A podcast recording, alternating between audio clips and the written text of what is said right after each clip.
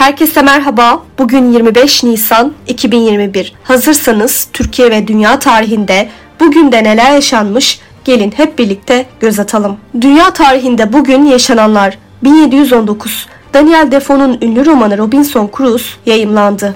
1859 Kızıldeniz'le Akdeniz'i birbirine bağlayacak olan Süveyş kanalının kazılmasına Mısır'ın Port Said kentinde başlandı.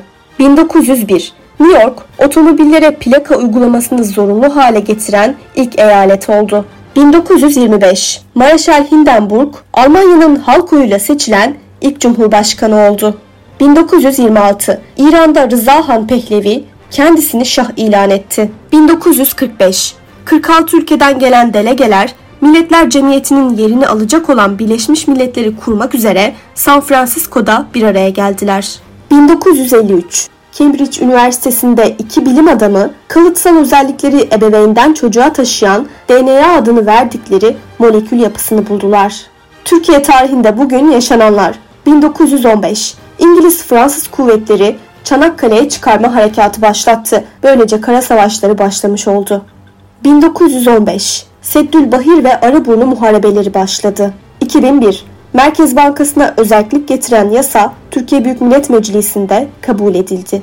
Bugün doğanlar 1823 Osmanlı'nın 31. padişahı Sultan Abdülmecit dünyaya geldi. Bugün ölenler 1744 İsveçli gökbilimci Anders Celsius öldü.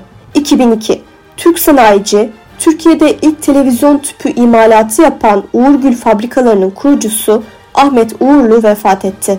2006 Amerikalı Kanadalı kadın gazeteci, yazar ve aktivist Jane Jacobs hayatını kaybetti.